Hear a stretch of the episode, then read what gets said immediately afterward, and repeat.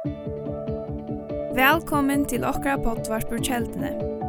Loika mykje hvert var stater i dag, så vana vi at hesen båskapring kan være til oppbygging for det og for tukt antall av loiv. Takk for at du loir av og njød dagsens båskap. Jeg tykker vi at vi har vidt tala gods år, så kan andre virke og møte det her. Om anker vi er møtter herren, slappa bare fullstendig av og takk to og møter. Amen. Så Såleis er Herren. Halleluja. Jeg finner et år av døyla som jeg gynner vi og en av tog.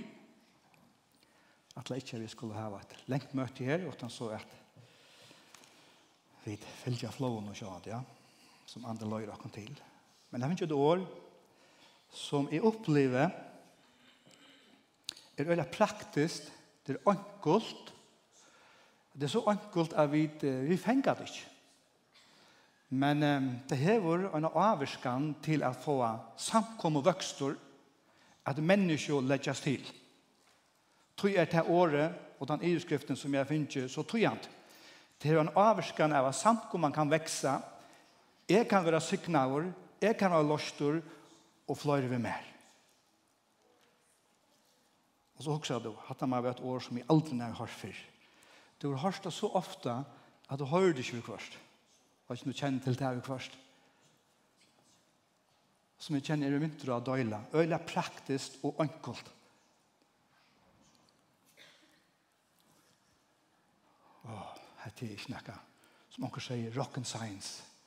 Hette er så nyrre av hjørne at uh, det vokser, Paule, kan anden velja virka og herren møte? Ja Amen.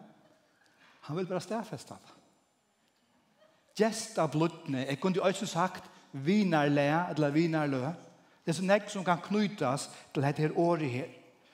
Og det her jeg sier, det er at hesten her, han her, kan man si, luttel iveskriften, som er så kraftfullt og så stor, kan avvirka vøkster i samkommeløyve og alt som vi gjør.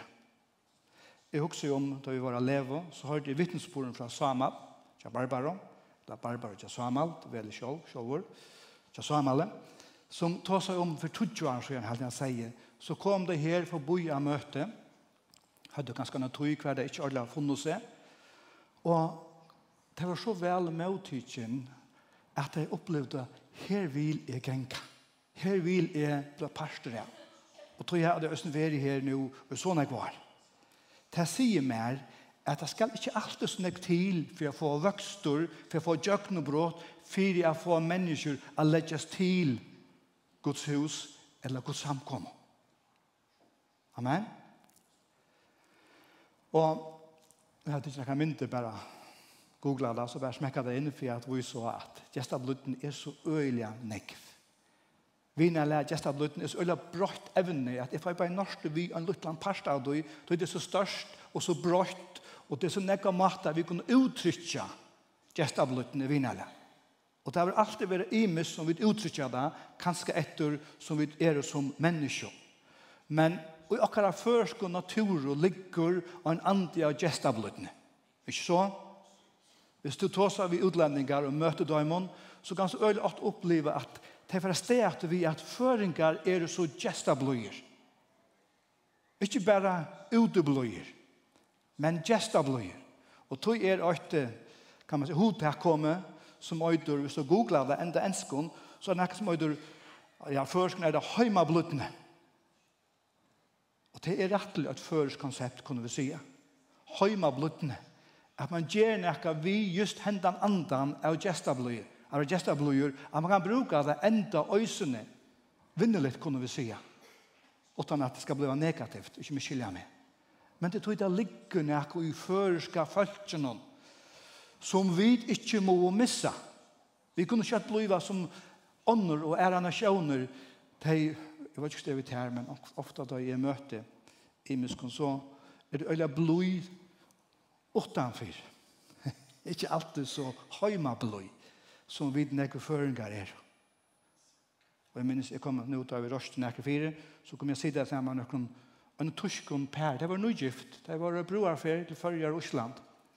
Tant øyla stuttlet, så pratet vi etter og fram og sier, godt at du kommer til førjar, vanligvis så er føringer eller blodjer. Og så sier forresten, kom at du får boi okkon, kom til kaffe, så gav de en mot, mot navn, adress. De er så ikke kommer enn, men de snakker, møla kommer ut etter til førjar. Så du, det kunne godt være så, jeg sier, kom bare. Og så er ikke mer. Men jeg gav dem en navn, adress. Så jeg begynte med i år. Jeg vet ikke nek, jeg hadde ikke nek utlendinger å gjøre det. Han sier bare, kom og vidt hjemme, ta et øyne for kjemer her. Så det var ikke hva det er bygg for. Jeg hadde området, jeg ville være vøyta, han den her, gå og si av, av være gestabløy.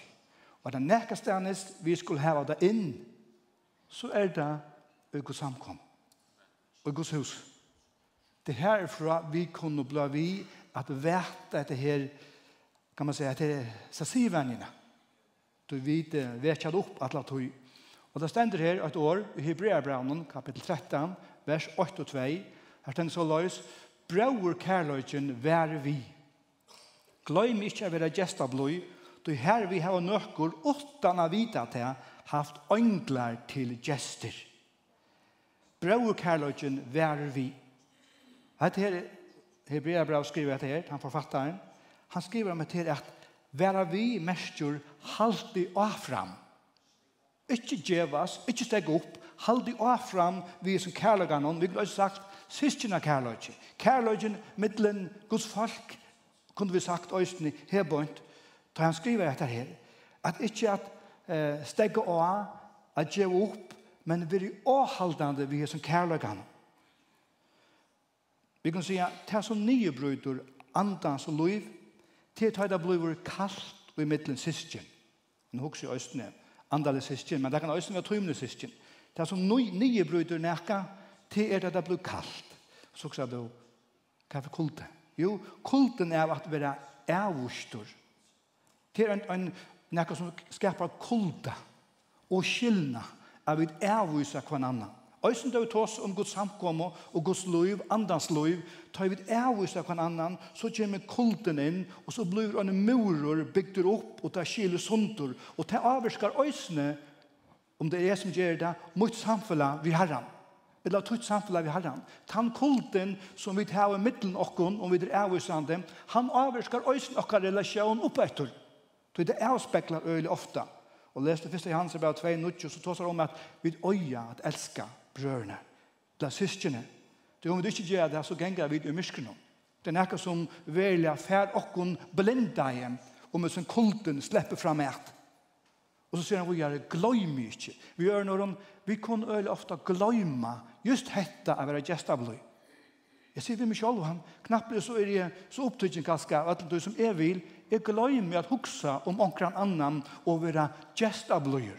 Og det er nækka vi det bruk for det, og i samkommeløyve, kyrkjeløyve, hva vi nå nevner da, så er det just hetta av vera.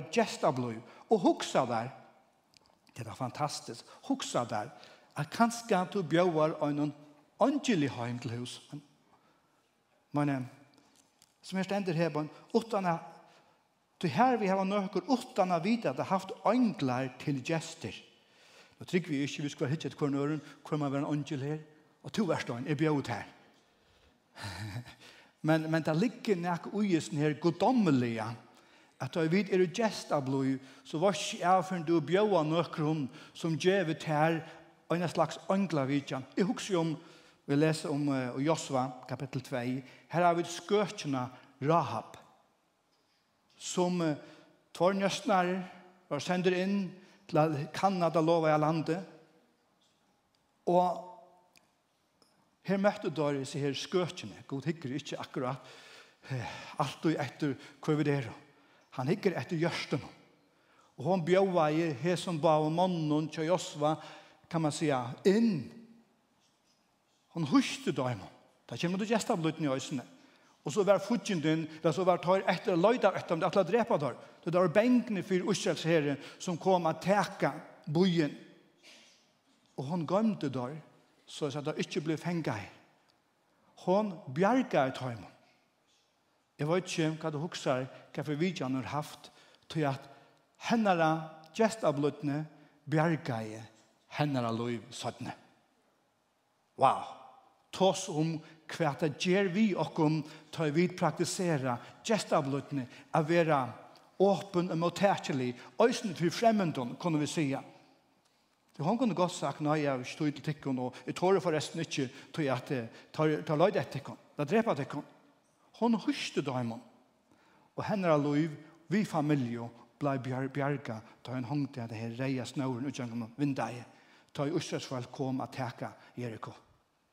Sars du, jeg bare tar anker døme for jeg lyser gest av blodene, hva det kan gjøre av undrum for tar personene som du erst gest av blod vi, men et under til tøyen og kun sjølve.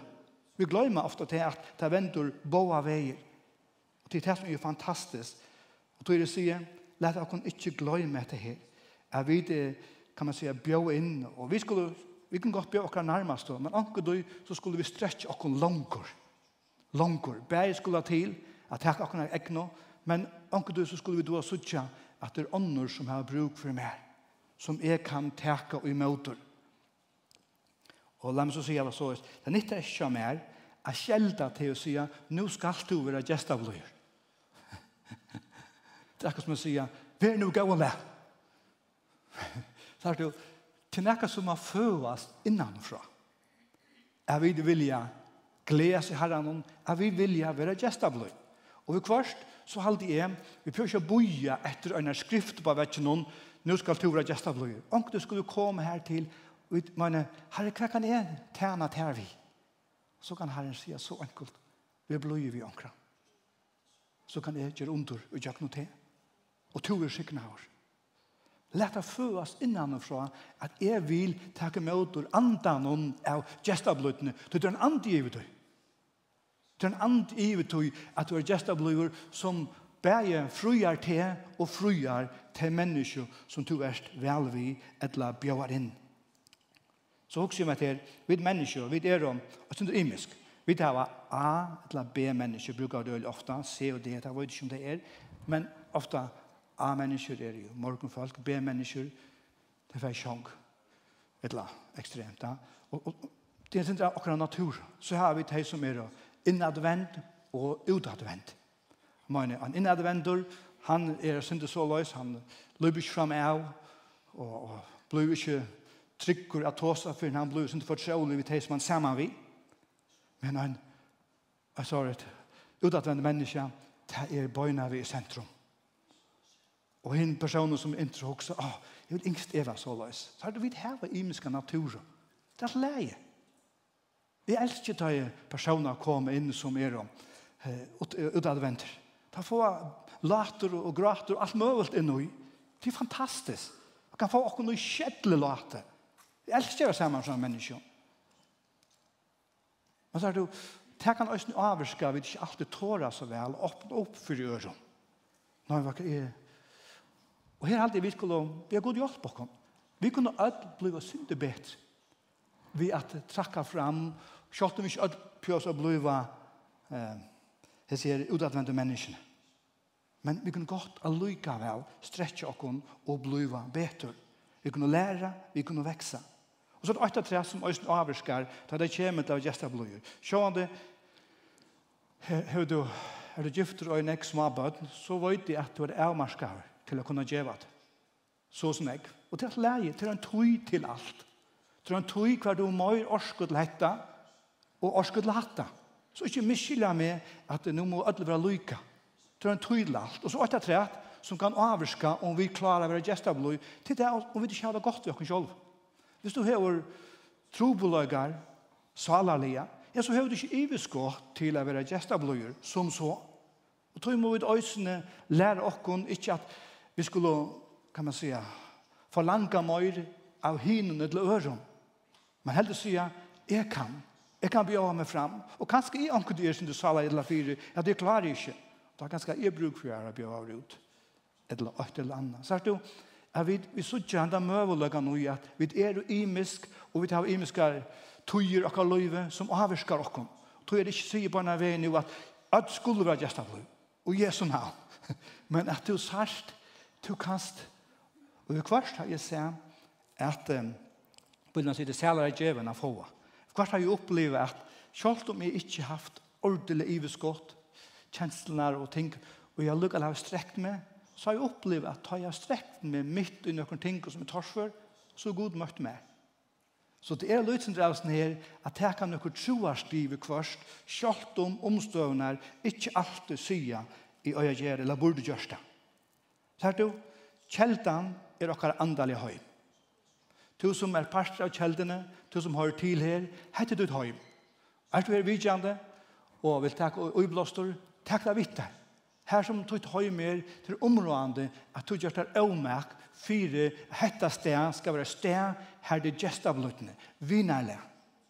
Jeg vet ikke, kan man si, undermeta hva tøtning til hever. Og då er det sier, til områdene vi ikke, jeg vil ikke si, er det bare njøtere, Men jeg vet også er det de som djev okkom. Jeg vet er det sikning for noen annen. Jeg stender en annen bibelvers her, som du kjenner vel øysene. Hette bæsbra 4 og 9. Jeg stender, også, «Vere gjester blod, kør vi annan, utan, og en annen tøying sier, grenja og soffa, eller klea. Manka stender og i viktig tøying. Vi gjester blod, kør vi annan. Det er ikke en nekk vers som akkur heva gjester blodene vi, og nødja som hente, men det er nøkker som du kan sutja her det var oppmuntra og edja til bløyskap, møte hver nøren. Tog jeg tar vi gjør det, så uttrykker jeg ut øyne nasta kærløyga, kan vi sija. Og det er en hotter, det er en måte halde er at tjene gode og menneskene på, som er så enkelt at vi er gjestavløyer, at heva vinale. Da stender øyne i Rombraunen 12, 13, Tætt ikke en av en høyla og trång torra, Legge tykkun etter å være gjestavløy. Legge tykkun etter å være gjestavløy. Gjør en innsats. Og her vil jeg oss om det høylaven som øysen er Guds folk. Jeg vet, jeg vil gjøre noen avmerk å praktisere etter. Og som sier, begynner vi, det er så enkelt at vi ikke så gjerne. Det er så enkelt at vi tok så ikke men avvirker at det kan være samkommevøkster, at under kunne forløses, og i djøkkenen, jeg ser her, handlingene, eller gjerne som vi nå takker til oss. Og la meg si 3, et annet bibelvers som hever vurs da, eh, som tåser til løyere, som tåser til pastorer, tåser til eldster, tåser til de som er løsløst, stender så løs, i 1. Timothy Braunen, kapittel 3 og vers 2. Her er det vurs da nekra dikter til løyere, til mer med til andre sen du skal omkjønne med vår. Omkjønne med vår er et høyde som täcker lorslo, pastor, eldster og tar som gang undan. Du skal omkjønne med vår avlastande, med vår kvinnor arvärchen arverken, frahaldande, høveskur, gesta bløyer og før for å lære ånder. Det vil si at et av likla årene, en av diktene til som ganger undan, er å være gesta bløyer. Så enkelt og så latta i vi suttja. Det er en av dikten som Paulus lyser til vi skulle være ut etter løyeren og løslo, pastoren, eldstånd, så skal det være dikter som man skal suttja etter og tøymon som ganger undan. Og brenner du fire er ganger undan hver du nå erst uten noen støye, så hukser man etter her. Så hukser jeg det her, og begynner handle på det. Det gjør at du kan man säga, växer och kommer närre att det kallas så god och lagt att det hjärsta. Kommer närre. Också är med till hvis man tar om hotellvirke så er nok ett av likle åren til en hotell til er gesta blodne. Et eller restaurasjon her du vil selge en av vørs er samfunn om, jeg prøver å google løysindur, så er det noen spurninger som man skal fære jøkken og hytte etter hva du spurder om da du skal ansette i en hotell. Og da ganger øyne jeg etter hvordan du er som personer i for øre mennesker. Du vet, er det, man er kjølt sigende, at skal du ha en gjest å komme etter hotellet, så man vikmande være behandlet. Kan man se på en måte, vikmande også er, her kom jeg etter. Jeg var ikke stor haft det. Men det var så ferdig jeg sommerrestaurasjoner, særlig Åttalanda, så også her kom jeg etter. Det er ikke som maten i falske vær, ta og møter, ta avvarska jeg at, wow, så er det at det nekka stans hetta skal lysas, ikke for vi skulle gjøre business, men vi selger en himmelsk vøro som er given gratis og som løser mennesker. Kunne vi ikke være de som geng undan og jeg være gestabløy vinar, så sålös att de som kommer till samkommorna skulle känna, wow, her er gott å er. Her är, her er gott att komma. Så jag kände mig av våra mottygen. Følt tog og mot meg. Låt mig säga en praktisk ting. När han kommer genom en husgått. Ständigt, jag kan inte bo i Men kvært vi, jeg husker meg til det i fyra gammel, jeg sier det visen, og i løtten, djøkken, lenga tøy, og så følger man hver timingene, prætika det nå. Kvært vi er vidt, kanskje anna kvann måna, husker om at det er innenfor jeg møte, og skal gjøre døvra, så køyre jeg synder eik og til døvra en hese fer, og så fer jeg inn samkomna, og så fer jeg huksa, kvann kan jeg bjøve vi i det? Huksa der, om alt samkomman gjør det til Inne i middelen, jeg tås ikke om hver sondag, eller hver måned, til faktisk opp til tøyen, hva du nå kjenner til, løyte han til, men kanskje andre hver måned, så hukser jeg om omkran gest, det er omkran som er ikke vanlige, her vi inne i gulvene, og bjør vi, kanskje øyne, kanskje tvøymon, men trimon, hva er landa familie, men som familie, tås om det, huks om det, det kommer under gestablutten i øsene. Ikke så øyla da. Ikke nekka som man har studera av noen universiteter, og så finner jeg der nok ting. så ankel gest av løtene. Jeg kan bjøre anker vi har, og mennesker kan bli møtt, og jeg kan bli møtt hvis det nå er en ankel. Eller hvis Herren åpenberer seg, og jøkken noen til, jøkken til han personen, eller hessa kvinna, vi sa lepta, nei, bland dere, som heier seg oljekrokkene og mjølet, Ta Elias, sier vi henne, «Gjev mer mæten». Han var hungersnei. Men han er en son, hette er det sørsta. Og han bare røyte for honom. Han hørste Elias og i hungersnei. Men hon, hørste, hon var gestabløy, kjølt om han lukka som bare lova seg. Men det var henne av ondur. Det var henne av djøknebrott, og ikke minst da i sonen en døye. Så kom Elias her og vakte han opp etter. Hoksa der om han den kvinnan sier, nei Elias, jeg kan ikke bjøre der inn, jeg, jeg, har ikke vaska, jeg har ikke rutta, jeg har ikke mært, jeg er alt gærlig, jeg kan ikke. Men takk og lov, hon bjøa i profeten hon inn, og hon opplevde under, og sonen var vakter opp fra deg. Wow, tross om gestabløytene som gjør mån. Det burde sikkert enda nå sagt vi fra heim, og bjøa åkken vi.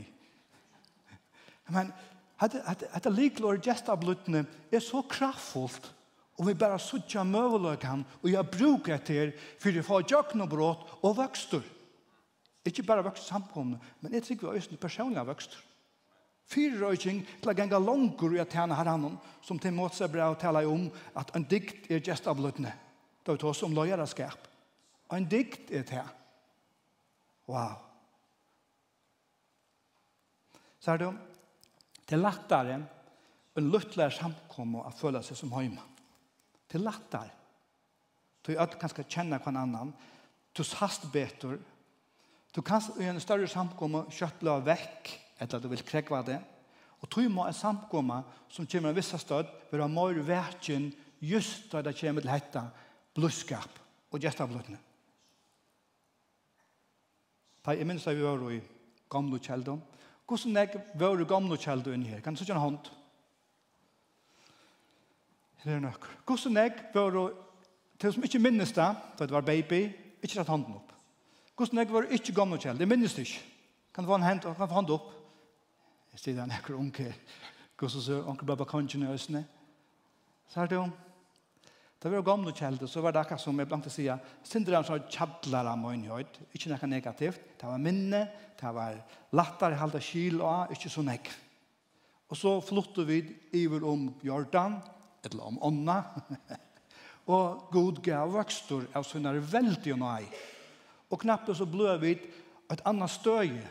Her knapt ble vi ikke alltid kom her til at vi kom så tatt på ødel. Du kan så velge å si, men damer bedre minne samkom og den løy til. Jeg vet ikke hva bibels det er. Men damer bedre lutla. Det är att säga, inte växa. Allt är Guds rujtje vekser. Ikke så?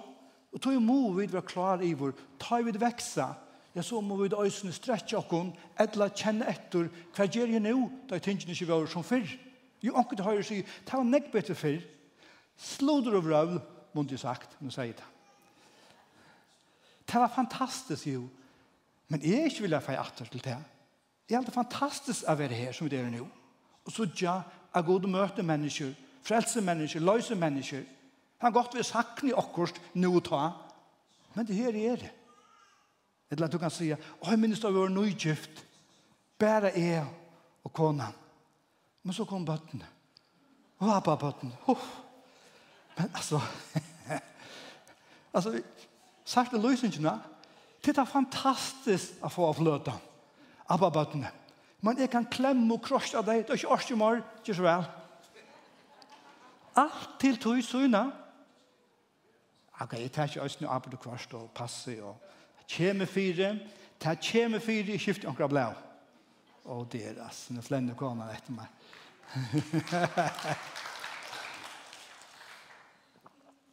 Bare for Luisa, måne, tryna skifta, sier sangen, men han er det samme. Amen. Jeg vil sutja at det er ikke kjele for det om tingene brøytas. Det er positivt. Og det er godt at det vekser. Det er Guds nøyen i du. Og la meg si at jeg er og han slipper jeg snær. Mennesker, så mennesker er vi imisk.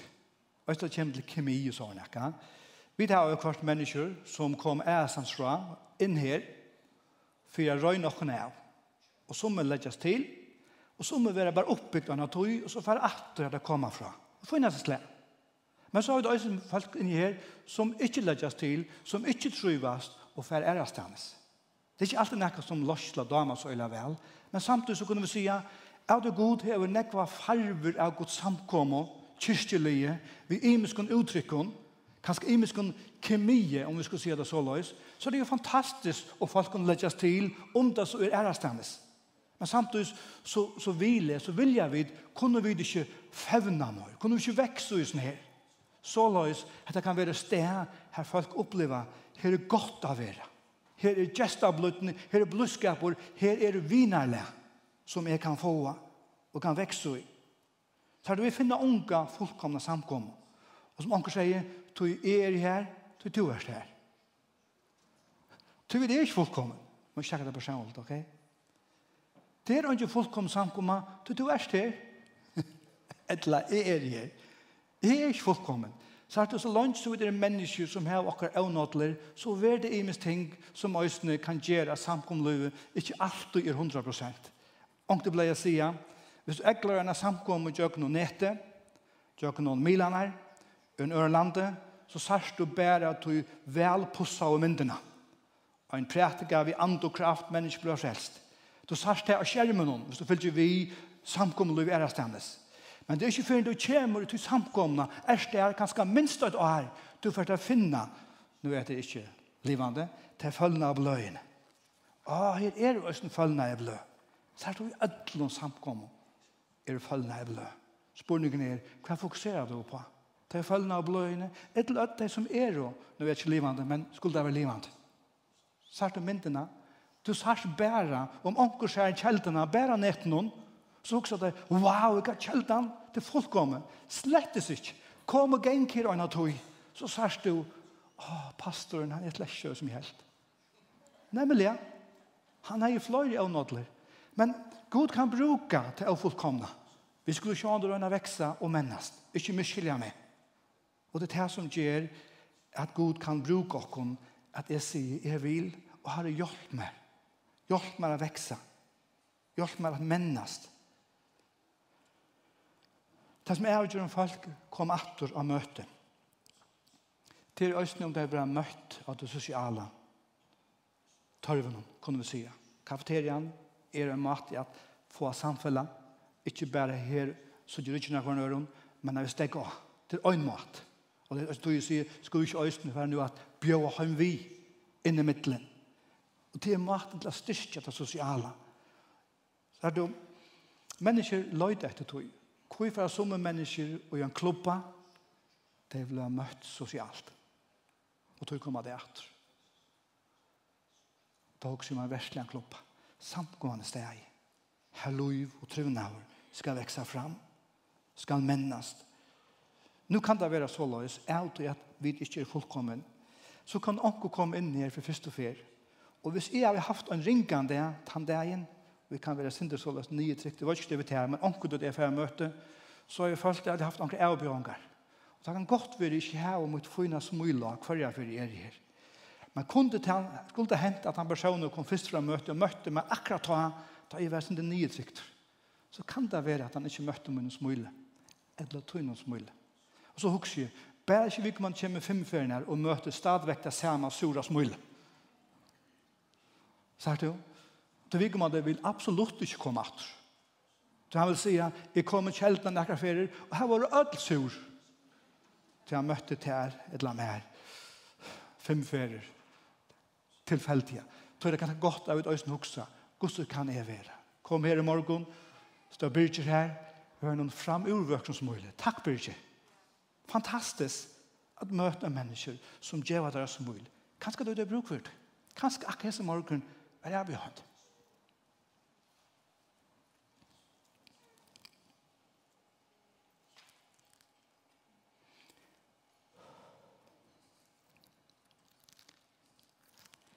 Atle ikke på rørt akkurat der, men hur kvart? Så er det akkurat det du bruk for det. At anker bare smulstilt oppmuntrat.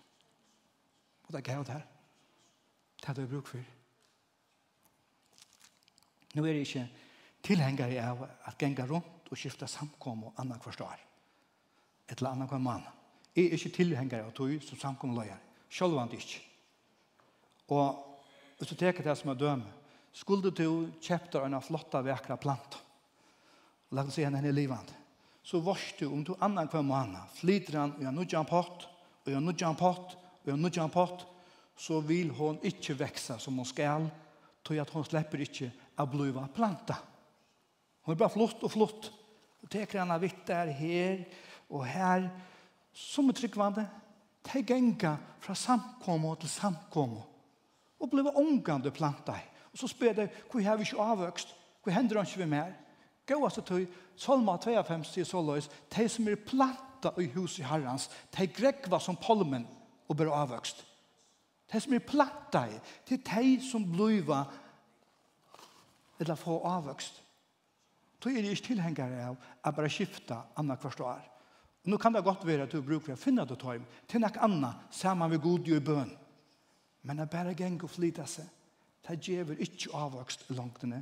Og pluss det, at vi som løye samkomne, det tar svært at gjøre en person som kommer forbi en måned og arbeid. Du vet ikke om du er det givet arbeid, og jeg har gjort anker du, Jeg tjøkken mine 25 år, jeg ser ankeren, wow, så er vi givet arbeid, og en mann av 17, så var vi på med det. Flotter, ikke hjem til herren, men flotter nære samkommet, som han så var her, et eller annet, hun, og gjør noe tog. Det tors først av samstarve. Og la meg si hette trett. Jeg har gjort en fra en båtskap, om hetta att pakka ut kuffert. Som är tryggvande, de er som turister. De har kuffert vissa, kommer och möter andre steg i en månad. Och liksom tjekke av. og, och täcka några ting vissa. Nej, så var det akkurat som det inte dumt, då. Så packade jag i till attor. Ett land. De har faktiskt omgått å packa ut. Det er ångat att vara av röjs og hotellet. Du hever en kuffert vitt där. Du ska bara vara här två dagar. Du har bara kjent i kofferten. Mm Hvordan er menn har gjort det? Kona, koma, det er pakket ut, jeg anker kona. Men sier du? Sier du, hvorfor det er mindre av tunne talenter, tunne gaver, arbeid, ivergjøvelse? Det er mynd av det andela kuffersen Da det kommer ångstens og det er plantaur Så åpne, takk ut av kuffersen Og bruke det her Amen, Amen. Det er mynden av det ta blivet to effektiver, og du kommer at avvirska. Da jeg ble gifte vi Astrid, for nek mun herrans arrangerende,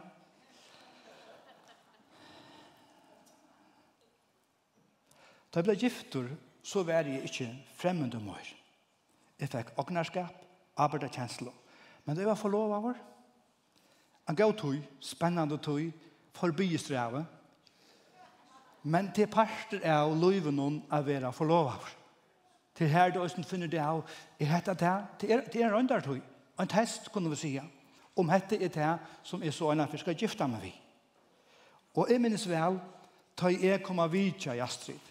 Særlig første fel, jeg får ikke køleskapet til hans odver etter mjølk, da jeg er brukfyrt. Nei, nå er jeg synder introvert. Så jeg ser at det her, stittler og råligere, Det skulle sannelig få en gav mynda mer. Rønt jeg også på min måte. Men så vi og vi, så vi og vi, så blir jeg jeg ble fortrolig og kunne, selv hvis det ikke var her, så kunne det være kålskap i etter mjølkene. Men så ble vi gifter. Så er du, nå fer jeg ikke bare kålskap etter mjølkene, nå kjøper jeg henne. Nå kjøper jeg mjølkene.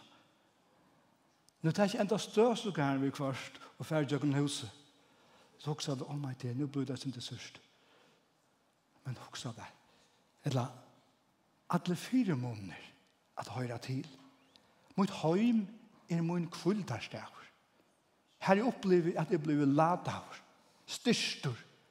Men som gjør meg til jeg bruk for det, tryggløyken, kærløyken, det er just det i samkommand er atla til. Her blir mitt heim som er mitt sikkerløyt. Her jeg føler meg heima, ikke bare føler meg heima, jeg tar ikke avbyrd. Jeg kjeiper mjølkene om og mandler. Hvis du kyler hva det mener vi. Er vi til at så inn i det samkomløyve som er mitt heim sjølvande. Det er det parter av min heime som jeg har til og vekser opp på i.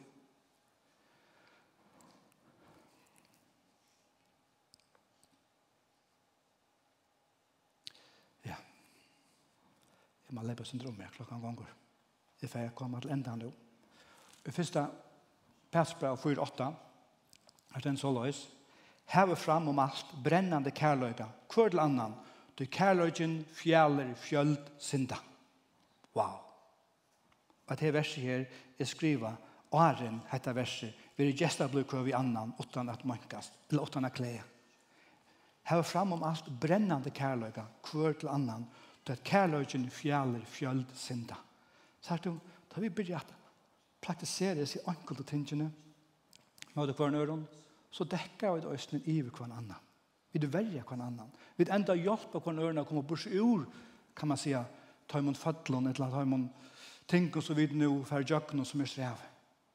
Det kærlighet gjør østene, vi hjelper hver øron. Det anker ganske fattelen, hever synd i ankeren, ja, men så kunne vi be sammen. Hjelper for hver øron og røysa hver annan opp til møyningen vi Guds huse, Guds samkommet, at vi kunne dekka, fjæla, jeg sier, fjöld synda. Og dette prekbar øysene sannan kristendom, at øyne Guds baden. Brennande kærløyge er som en spente muskel til en uidrat mann, som vil renna sitt skoj. Han uidrat sitt besta, han gjeve seg. Og det er området der vi er gesta blod, nekka som er så ankel. i minnes nekker fire, det er nok nokre år siden, så var det gøt om at jeg skulle finne lukka som en årsens granna. Og da var det Sophie Heinesen. Det var ikke om hun er, hun var ikke av det si etter her. Nå forsvant det stegget meg. Hun fikk etter blåmotestet som orsens granna. Tankte av vittnesbord. Amen. Det er okkur som man gjør som avskar at man får et heraklapp. Om vi vil ha vøkstor, så er det et ampo vi kunne bruka. Ødel samkommer av å bli med kornøren, ikke minst her samkomne, at legge mest til ånder som kommer, og som har bruk for her. La meg si at det er til sørst. Om jeg høyma, kjærma sjolvun, at han har tvei år, enn oppfører meg som gjest, så er dere gale ved meg. Og, og. Om jeg høyma, kjærma sjolvun, at 18 år, eller vi sier 2 år, 3 år, det kan 4 år, hva det skal være, enn oppfører meg som gest hjemme ved hus, så er det akkur som er gale ved meg. Nå kan det ikke om det være sjukur, salalea, eller fysisk, det er mulig. Men hun som bare vanligt. Hvis jeg enn er høyma og, og, og sitter her bare, når jeg færre til mjølkene, kona må færre, så er det akkur som ikke er urettelig. Om jeg enn sitter i en hjørne og kjenner meg fremmendan høyma, Jeg så halde det til akkurat som jeg har bruk for det, jeg brøyta et eller annet. Jeg er sjukker, et eller annet strues vi. Så er du, jeg må røysa meg. Takk og arbeid, fer inn i kålskapet, etter mjøkkene, gjør meg sjolvun og omkring nøren. Et Eller annet må være handels og kjeipa henne. Tøyer heima. Jeg vet at det kan virke synder. Men hva har vi bruk for å lykke at vakne opp? Samkomman er atla vi okkar høy, og jo fløyre vi er, jo mår må vi til til å teke apert. Det tog jeg hver jeg skal bliva røktor og kjenne at jeg er lukka som til sin hånd om, men så er det også en tog kanskje jeg nå kan stretja meg løyt synder. Og løyt synder, fire av være omkran annan, til hjelp, styrke, så vi kan det føle seg vel. Nå var det omstående kunne imiskar, og det er så alltid snakka som kan ganske avvirka at omstående ikke er til det. Men husk om generelt, altså, kan jeg nå røysa meg? Kan jeg nå strekja meg? Er det nekka som akkurat møtes til meg vil, så er det hette at det skal være en skyldnaver, det skal være kaldt i middelen noen, tog drottor, han røyner døy noen opp og imska bølkar, friste ånder ute, Men Guds ande er liv og glede og i hele andan som får løses og i vinnerle og gjesta blødne. Amen. Og la meg enda vi her. Zacchaeus fikk Jesus av vidjan. Da han kløyv opp i treet. Da han ville sutja Jesus. Han er ikke godt året, så han var toddler. Han var faktisk taget i tøyen en dummer hund. Om jeg skal bruke mot ringast år. Han skulle borde sjakk så løs. Men ånden kunne tåle ham. Men nekken i hånden var, i matlapp, av suttet Jesus, det er hørst om ham. Og Jesus kom på boi, og han så ham. Jesus bjør jeg så selv inn, halvt i åren han bjør i hånden. Men han hørste Jesus, Zacchaeus, og han ble ombrøtt. Han ble totalt ombrøtt, og han vendte om og i nærvær av Jesus tugans være at han som lyser opp Jesus for han kunne øre og vikmande kan få et møte med Herren Jesus. Det er to bjør det fram. De som jeg kommer opp, skal vi be sammen. Takk, Jesus. Takk, Jesus. Takk, Jesus. Takk, Jesus. Kunne vi røyse oss? Nå har til sørste.